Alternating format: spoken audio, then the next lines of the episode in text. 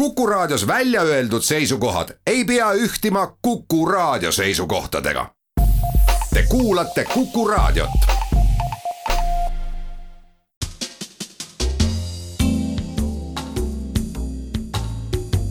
tarkade klubi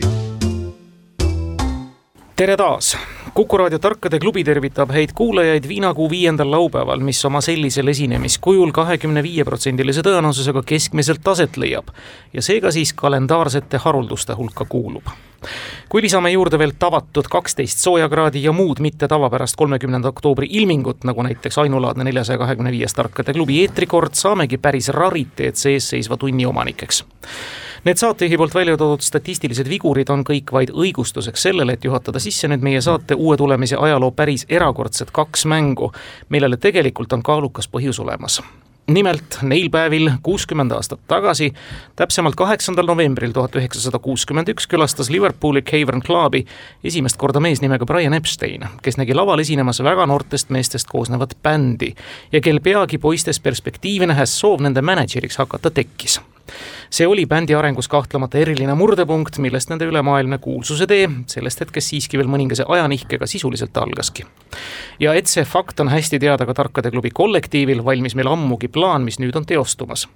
sel ja ka järgmisel laupäeval, kui Beatlesite tähelend kuuskümmend juba uksele veel seismas on, Tarkade klubi mängud ja küsimused on pühendatud peaaegu et ainult selle maailma popkultuuri ainulaadsele fenomenile ehk Beatlesitele erakordne bänd, nende erakordne muusika ja läbi aegade kestev erakordne menu nõuab muidugi ka erakordseid mängijaid. ja hea meel on sellest, et Eesti pind ka selliseid kannab ning hea meel on saates tervitada esmalt Tartu stuudios debütandina muusikut ja keelpillivirtuoosi erinevatest kollektiividest Karl Laanekaske. tere! ja Karli paarilisena melomaanist mälumängusõpra Tartu Ülikooli loodusgeograafia teadurit Jaan Pärna. tervist! Ja koosluse saate debütandist, muusikust ja melomaanist mälumängusõbrast oleme koondanud ka meie Tallinna stuudiosse, me tervitame saates muusikut, lauljat, muusikajuhti ja saatejuhti Taavi Otsust. tere! ja Taavi paarilisena melomaani, nii klassika kui levimuusikamaailma parimaid palutuundvat Keila patriooti Allar Viivikut. tere päevast! tore, et te olete meiega, niisiis Beatlesid, Beatlesid ja veel korra Beatlesid, aga mitte ainult. ehk siis teemad tänaseks mänguks on John, George, nende kuulsad laulud nende kaasaegsed maailmamuusikas ja avaaria. lõviosa küsimustest on tänaseks ja ka eesseisvaks järgmiseks mänguks valmis sättinud Kivimäe kooli melomaanist ajaloo ja ühiskonnaõpetusõpetaja Margus Pillau, ajaloolane Leho Lõhmus ja siinkõneleja Timo Tarve. alustame ja anname avavaliku Tartule, nii et Karl ja Jaan, palun valige teema. no Karl, mis teema sulle kõrva jäi? paneme kuulsad laulud. Nende kuulsad laulud ja ega midagi, läheme ajalehe The Guardian poolt tuhande üheksasaja üheksakümne üheksandal aastal läbi viidud küsitluse tulemusena tollal lõppenud sajandi lauluks mõnede teiste gallupite järgi koguni kõigi aegade parimaks tunnistatud Yesterday kandis esialgses tööversioonis ühte teist, hoopis proosalisema sisuga pealkirja, mis ühte toitu tähendab. küsimegi siis, et millist konkreetset toitu, tegemist on muuhulgas ka inglaste jaoks traditsioonilise, ühest loomsest päritolu põhitoorainest ja sageli mitmest kõrvaltoorainest valmistatava sooja rammusa roaga. selle eri kultuurides mitmesuguste retseptidega varieeruvad nimetused on brittidel näiteks enestel šoti metskull, perico hispaanlastel, poki-poki Filipiinidel, Tex-Mex variandina migas Iraanis jälle ka tuntud kui sirabitš. nii, siis kas tuleb välk vastus? kas laulame kahehäälselt? Scrambled eggs, oh my baby, how I love your legs. ma kohe teadsin, et mängijad said kümnesse valitud. Oh my baby, how I love your legs. Not as much as I love scrambled eggs ja tõepoolest, nõnda neid ongi ja pool ise muide edasi arendatud paroodiaversiooni autori Jimmy Falloniga oli äsja kuuldud lugu meile esitamas, suurepärane algus. Tartu mängu juhtima ja palun, Taavi ja Allar, teie mm. valite. noh, mida proovime, laulud, ega see tuleb nagunii ära võtta ükskord. ja, iga teemal on siis kaks mm. -hmm laulud, jah. kaks laulu ja, või kaks küsimust ja see nüüd on ajaloolase Leho Lõhmuse küsimus, kes debüteerib mm -hmm. meil ka küsijana. on raske päeva õhtu olen tööd rüganud nii nagu peni, on raske päeva õhtu ja peaksin magama nagu kolm punkti. niisuguste ridadega maakeeli algab tuhande üheksasaja kuuekümne neljanda aasta plaadi, mis samuti raudse eesriide taga firma Meloodia poolt kopeeritud sai, avalugu ja ühtlasi nimilugu A Hard Day's Night, ka Fantastilise Neliku osalusel lõbusa sisuga sama pealkirjaga film, milles antud kauamängiva lood kõlasid, linastus samal ajal. Meie aga küsime ikkagi, millega laulu kujuteldav mina tegelane, eeldatavalt siis Briti alamkeskklassi tööline, enda väsitavast päevast väljamagamist võrdleb, millist kõnekäändu kasutades. vastav väljend on ka eesti keeles olemas ja otsetõlkeliselgi kujul eelkõige eestikeelset varianti teada tahamegi, ainult sellest saab täispunktid. oot-oot, Tallinn vastab praegu ma tean, et te tahate laulda, aga. nüüd sattusime küll portsu otsa, tähendab, et. Äh, Tartu küsimus oli vähe lihtsam. no see oli, see tuli kohe see tuli esimesest, äh, esimesest sõnast juba. Hard Day's Night ja kuuekümne neljandal ilmus plaadil Nõukogude Liidus just, ja me tahame tegelikult teada siis It's been a hard day's nights and I should sleeping, kuidas see lugu seal kõlas ja me tahame eestikeelset vastet saada, kes või mis ja see on mm. täiesti eestikeelse väljendina olemas no,. puhkan väljast päevast. Öeldakse nagu..., mida öeldakse magase kohta, magasin nagu äh, nagu, nagu ko koer on äh, minu meelest seal tekstis või mm,? kuule, minu meelest on küll Like the dog või midagi yeah. taolist on. It's been a hard day's night and I m working like a dog. just, just, just, just. Või jääme selle juurde? mõtleme veel edasi. no eesti keeles öeldakse muidugi magam nagu kott, magam nagu nott, aga vaevalt see ei kõla nii huvitavalt. noh, jätame siis koer jätate nagu koer ja see ei ole õige vastus. Tartu praegu itsitab ja hoiab hinge kinni, kas laulate vastuse ette, aga eesti keeles palun. ärme, me nii hästi ka ei ei, nojah, sellel on kindlasti Heldur Karmo tehtud sõnad jaa, ka. vot seda, vot seda oleks ka hea praegu teada, et kas on, ma arvan, et on, see on nii tuntud laul, ta tõlkis neid mingi sap-, ei ärme üldse oma ärme proovi. äkki mõni äkki läheb valesti. äkki läheb valesti jah, ja, ja äkki tuleb mõni küsimus selle kohta, siis me anname oma info ära kõik. aga vastastel jah, jäi, jäi lauda, et no kuigi otsene tõlge, no see sõna ise inglise keeles on siis log ja otse, otsetõlge oleks muidu palk, aga tõesti eesti keeles öeldakse, öeldakse, et magan nagu nott. It's been a hard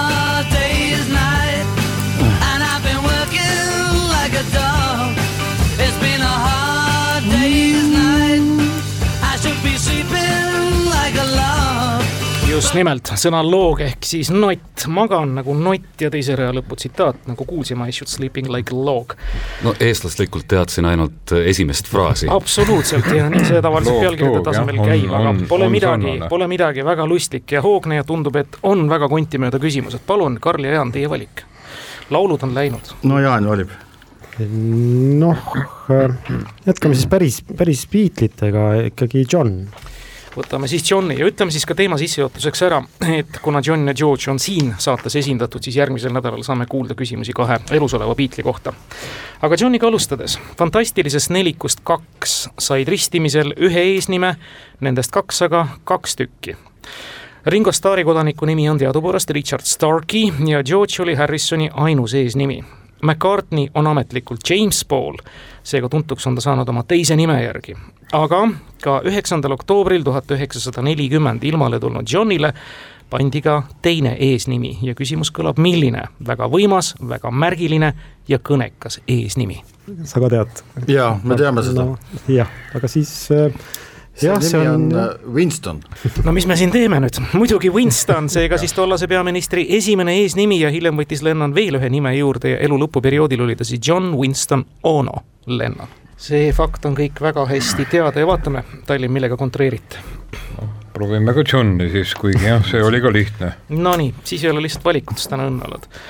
The Beatles on niisiis Suurbritannia ehk tuntuim ansambel, The Times aga samamaa ehk tuntuim päevaleht kindlasti kirjutas mainitud ajaleht Beatlitest tollal palju, aga meie antud küsimus on puudutavalt seda, et John ükskord The Timesiga sõna otseses mõttes oli ühel pildil see episood leidis aset tuhande üheksasaja kuuekümne kaheksanda aasta hilissügisel ja põhjustas ülejäänud bändi liikmetes teatud konkreetsel või tegelikult isegi mitmel põhjusel nõutust ja kohmetust. olukord lahendati kõige arhailisemal viisil. Paul ja George palusid Ringol kui nende hulgas kõige vanemal Johniga nii-öelda meeste juttu rääkida seda delikaatset missiooni siis Ringo täita üritaski ja ütles enda meenutuste kohaselt omavahel Johnile, tsiteerides originaalis. You have even got the times in there. mis siis kolmele kaaslasele Johni käitumises ei meeldinud, kõlas küsimus. tuhat üheksasada kuuskümmend kaheksa. hilissügis, jah. Mhm. kuuskümmend kaheksa. noh, siis oli juba Yoko, Yoko oli juba mängus ja noh, kunstnikud on tujukad aeg-ajalt ka. ma ei tea, mul esimesena tuli pähe muidugi see, mis, mis on vist Johni kõige kuulsam ajakirjandusele öeldud asi, et et nad, nad on kuulsamad kui Jeesus. see oli natuke varem, see oli kuuekümne kuuendal vist oli. Timesiga oli ühe pildi peal, jah. jah, no Abbey Roadi pilt oli tegemata veel ja seal ta vaevalt lehte käes hoidis. ma ei saanud sellest, kas me võime rääkida praegu või? ei või. Tallinn arutleb. Arutleb, jah. Timesiga ühe pildi peal ja sellest ka ülejäänud bändi liikmed olid häiritud, ma sain aru, jah. no järelikult ja Ringo saadeti asja klattima, aga mida ta siis klattis? noh, mida, mida, mida ta võis. no ja tõenäoliselt ikkagi oli jälle tujukas ja, ja, ja sest Yoko oli väga tihti nendel aegadel juba stuudios kaasas ja ülejäänud kolmele see ei meeldinud ja võib-olla ja võib-olla siis saadeti Ringo kuidagi selgeks tegema, et see on meeste värk stuudios, meeste lood ja, ja Yoko ei sobi sinna seltskonda. Näiteks mina pakun sellise versiooni välja ka. ma tulen vastu sellega, et ma annan teile punkti ära, sest et noh, printsiip oli õige. täpsem põhjus oli siis see, et John andis koos Yoko Onoga välja eksperimentaal-avangardistliku albumi Two Virgins, mille kaanel mõlemad, nii nagu ema neid sünnitanud oli, poseerisid. esiküljel esipooltega, teisel siis tagaküljel tagumiste pooltega. ja The Times lebas nende kahe kõrval põrandal, ühine Aa. projekt Yoko kandis ühtlasi Johni eemaldumisest teistest märku, nii et printsiip oli õige. seega siis bändi lagunemistendentsid hakkasid endast märku andma ja kõnealuse foto detailidesse süvenedes muide oli lehetekstis näha pealkirja The Independent, millise nimega mõni aastakümne hiljem ka siis üks omaette ajaleht ilmuma hakkas. nii, palun, see oli nüüd esimene niisugune pikemat mõtiskelu nõudnud küsimus.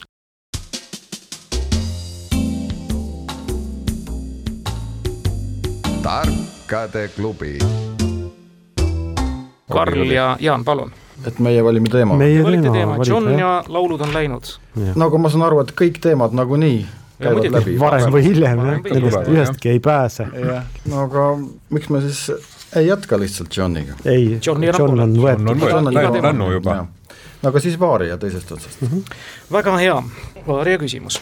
Oma kodulävel mõrvatud John Lennoni tuha puistas Leski Yoko Ono lähedusse New Yorgi keskparki, kus nüüd Johni memoriaal nimega Strawberry Fields paikneb. Beatlesite kuulsa hiti ja ühtlasi Johni ühe lapsepõlve lemmikpaiga järgi nime saanuna kopsuvähi tagajärjel lahkunud George Harrisoni tuhk läks aga hinduismi, mis usku ta oli pööranud, kombe kohaselt Varanasi linna juures Indias Gangesi jõkke. Need on siis kohad, kus Beatlesite fännid kahte suurest nelikust nüüdseks lahkunut mälestamas saavad käia mitmete hulgas on aga lisaks näiteks üks haud, mis The Beatlesi andunud austajate poolt on ka tihti külastatud. see asub Liverpoolis, Wooltoni asumis, Püha Peetruse kiriku aias asuval kalmistul. ehk selles samas kirikuaias, milles toimunud kontserdil John ja Paul tuhande üheksasaja viiekümne seitsmenda aasta suvel esmakordselt kohtusid ja koos esinesid kõnealusesse hauda on maetud üks aastatel tuhat kaheksasada üheksakümmend viis kuni tuhat üheksasada kolmkümmend üheksa elanud isik, kellega Beatlit, kellel Beatlitega mingit otsest seost ei ole ja peaaegu et võiks öelda, et ka kaudset mitte, kuid siiski on konkreetne põhjus, miks fännid seda hauda uudistamas käivad. nimetage see isik, kes seal puhkab.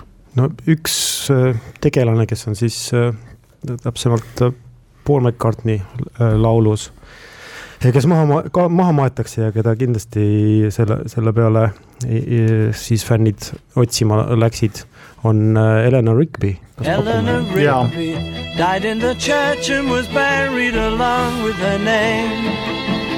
Nobody came, Father Mackenzie, wiping see on nii kümnesse mäng täna läinud mängijate valiku poolest, et ma ainult kirjutan siin ühtesid, aga tahapunkt on neljas nüüd Tartule, suurepärane ja lähme edasi. lihtne, lihtne küsimus.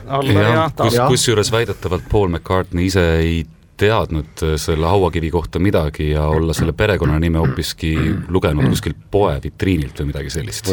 ja see on ta, üsna tavaline, tavaline nimi jah, selle, selle jaoks. just, ei, pea, ei pea seda konkreetselt nägema. ei tulnud, ei tulnud meile. täpselt nii ja siis tõlkes ütleme ka ära, see oli siis Lennoni McCartney laulu Üksildane kangelanna, kes kirikus suri, kõrvaltegelaseks Prester McKenzie, kes pärast jutluse teksti kirjutamist samuti täielikus üksinduses oma sokke Ja- nõelub ja Mackenzie pidi olema alguses McCartney, aga McCartney'le endale ei meeldinud, muidu tuletab ta isa meelde. vaat nii, me saame nii No. palju ka täiendteadmisi veel aga juurde, jah, ei olnud meie küsimus. aga andke edasi, valige. Aga meie siis äh, proovime ka varja. väga hea läheme siis nii-öelda sama teemaga. kultuur koosneb paljuski ümberütlemistest või koguni otsetsitaatidest.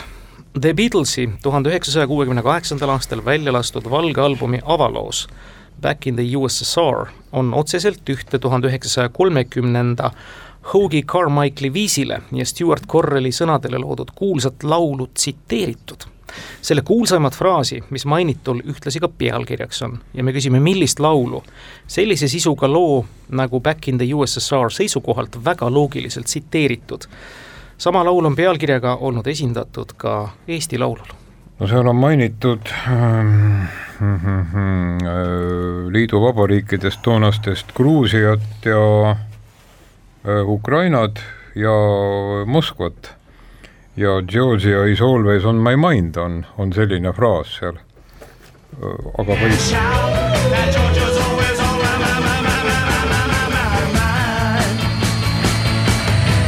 välkvastuste pidu, nii on, teine punkt Tallinnale, Allar ja Taavi kaks punkti. Karl ja Jaan Tartus neli, meil on äh, väga tempokalt see mäng kulgenud, meil ongi neli küsimust lõpuni minna ja ja kaks teemat, nende kaasaegsed või George. Jaan ja Karl, te saate valida. no ärme siis jäta George'i üksi jah, viimaseks. viimaseks jah. nii, Beatlesid olid kõik pärit viisakatest peredest, aga millistes ots otsaga kokkusaamine siiski mõnikord ka väljakutseks oli olnud. Nende vanemad pidasid tavalisi ühiskondlikus hierarhias mitte väga märkimisväärseid ameteid. Bändi kuulsuse kujunemise aegadel näiteks töötas George'i isa Harold Harrison bussijuhina. nooruses oli aga nime White Star sisaldava firma teenistuses olnud mis valdkonnas White Star tegutses, kõlab küsimus. selle ajaloos on üpriski meeldejäävaid momente olnud ülemaailmse tähelepanu mõttes Beatlesite kuulsusomaga võrreldavaid. oota, mul jäi, unustasin ära, kelle kord oli vastata. Teie kord ongi. ahah, Kord, Star, kas see ei olnud laevandus? ja see on Üks, jällegi välk vastus tõepoolest see on laevandus White Star pikema nimega siis Oceanic Steam Navigation Company, mis siis muuhulgas ka olümpikklassi aurulaevad kasutusele võttis. Titanic oli nende seas, Harold Harrison töötas antud kompaniis stjuardina. nii, see on teile nüüd viies punkt, kolm küsimust lõpuni. Taavi, Allar, nii, no ega siin palju pole jäänud, kaasaegset vist saab veel võtta, jah kaasaegsid üks. George on ka veel. mm,. no proovime Mur-, murrame seda re-, reeglistikku, kõik on läinud praegu ühest teemast äkki Jaa. kaheksa Teeme niimoodi. no just, kahe tuhande kaheksandal aastal uksed sulgenud The Marquee Club Londonis jõudis tegutseda täpselt pool sajandit. alustanud tuhande üheksasaja viiekümne kaheksandal aastal Oxfordi tänaval ja paiknedes seal ka neli aastat hiljem, jõudis ta oma hiilgeaja tegutseda tegelikult Sohos paiknenud Wardour Streetil. klubi hiilgeaeg saabus mõningase viibega pärast seda, kui ilmnes, milline kollektiiv oma debüüdi publiku ees kaheteistkümnendal juulil tuhat üheksasada kuuskümmend kaks selles klubis tegi. soojendamaks toona Long John Baldry nimelist artisti ja milline bänd? Rolling Stones, no mis me räägime, kolmas punkt, kes veel? ma ei hakka enam isegi kiitma, seda teevad kuulajad raadiot tees, kes siis veel, loomulikult. see on kolm teile, Tartu viis, palun, kaks küsimust lõpuni. Meil jääb siis valida Varia. ei, vari on kaasaegsed on ka veel olemas. aa, siis olete kaasaegsed jah? nii, ja viimane kaasaegsete küsimus. kuueteistkümnendal aprillil tuhat üheksasada kuuskümmend kaks oli New Yorgis see haruldane hetk, kui toona veel kahekümneaastane isa vanemate poolt Odessa juutide hulgast pärinev ja heebrea keeles nime Shabtai Zisl ben Avraham kandev noormees esitas esmakordselt protestilaulu, mis algab sõnadega kui palju maad peab mees maha kõndima, enne kui teda meheks saab kutsuda.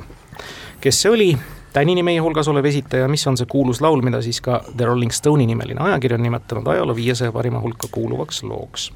jaa, see on Bob Dylan.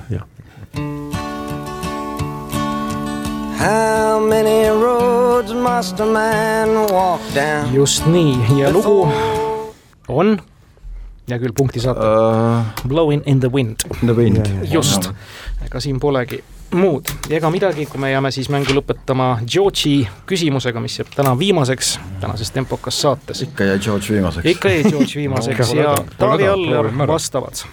kui The Beatles laiali läks, oli George'i üks esimesi väljakutseid seejärel muusiku ja avaliku elu tegelasena ehk isegi veidi ootamatult ühe riigi iseseisvussõja põgenike jaoks raha kogumine. Küsimus kõlab, millise riigi? see sõda lõppes õnnelikult, rahvas, kes suveräänsust tahtis, saavutaski selle. George'il oli viiekümne aasta eest oli öö, see Bangladeshi kontsert, aga vot ma- kas ta nüüd oli iseseisvussõda või oli see järjekordne uputus ja torm seal? ma nüüd ei mäletagi. aga igal juhul sellest ilmus kontserdiplaat, duubelplaat minu meelest tollel ajal mm,.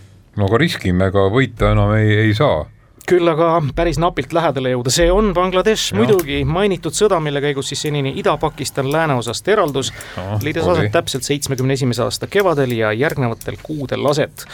kuulge, täna tundub, et rekordiliselt lühikese saate on siis Hmm. võitnud nüüd napilt Tartu, kõik küsimused on saanud vastuse kätte, millest on suur rõõm ja ma usun, et kergendusohe ka mängijatele, kes eeldasid ma ei tea mida sellest saatest.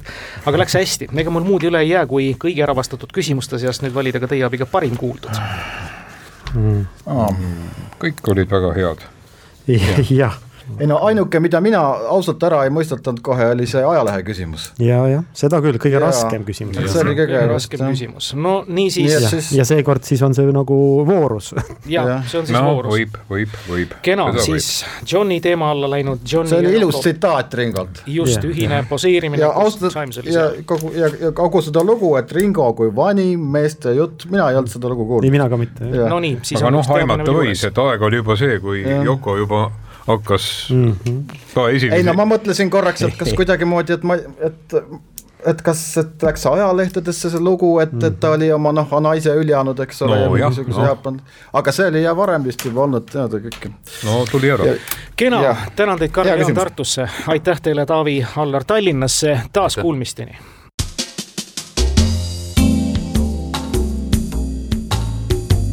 tarkade klubi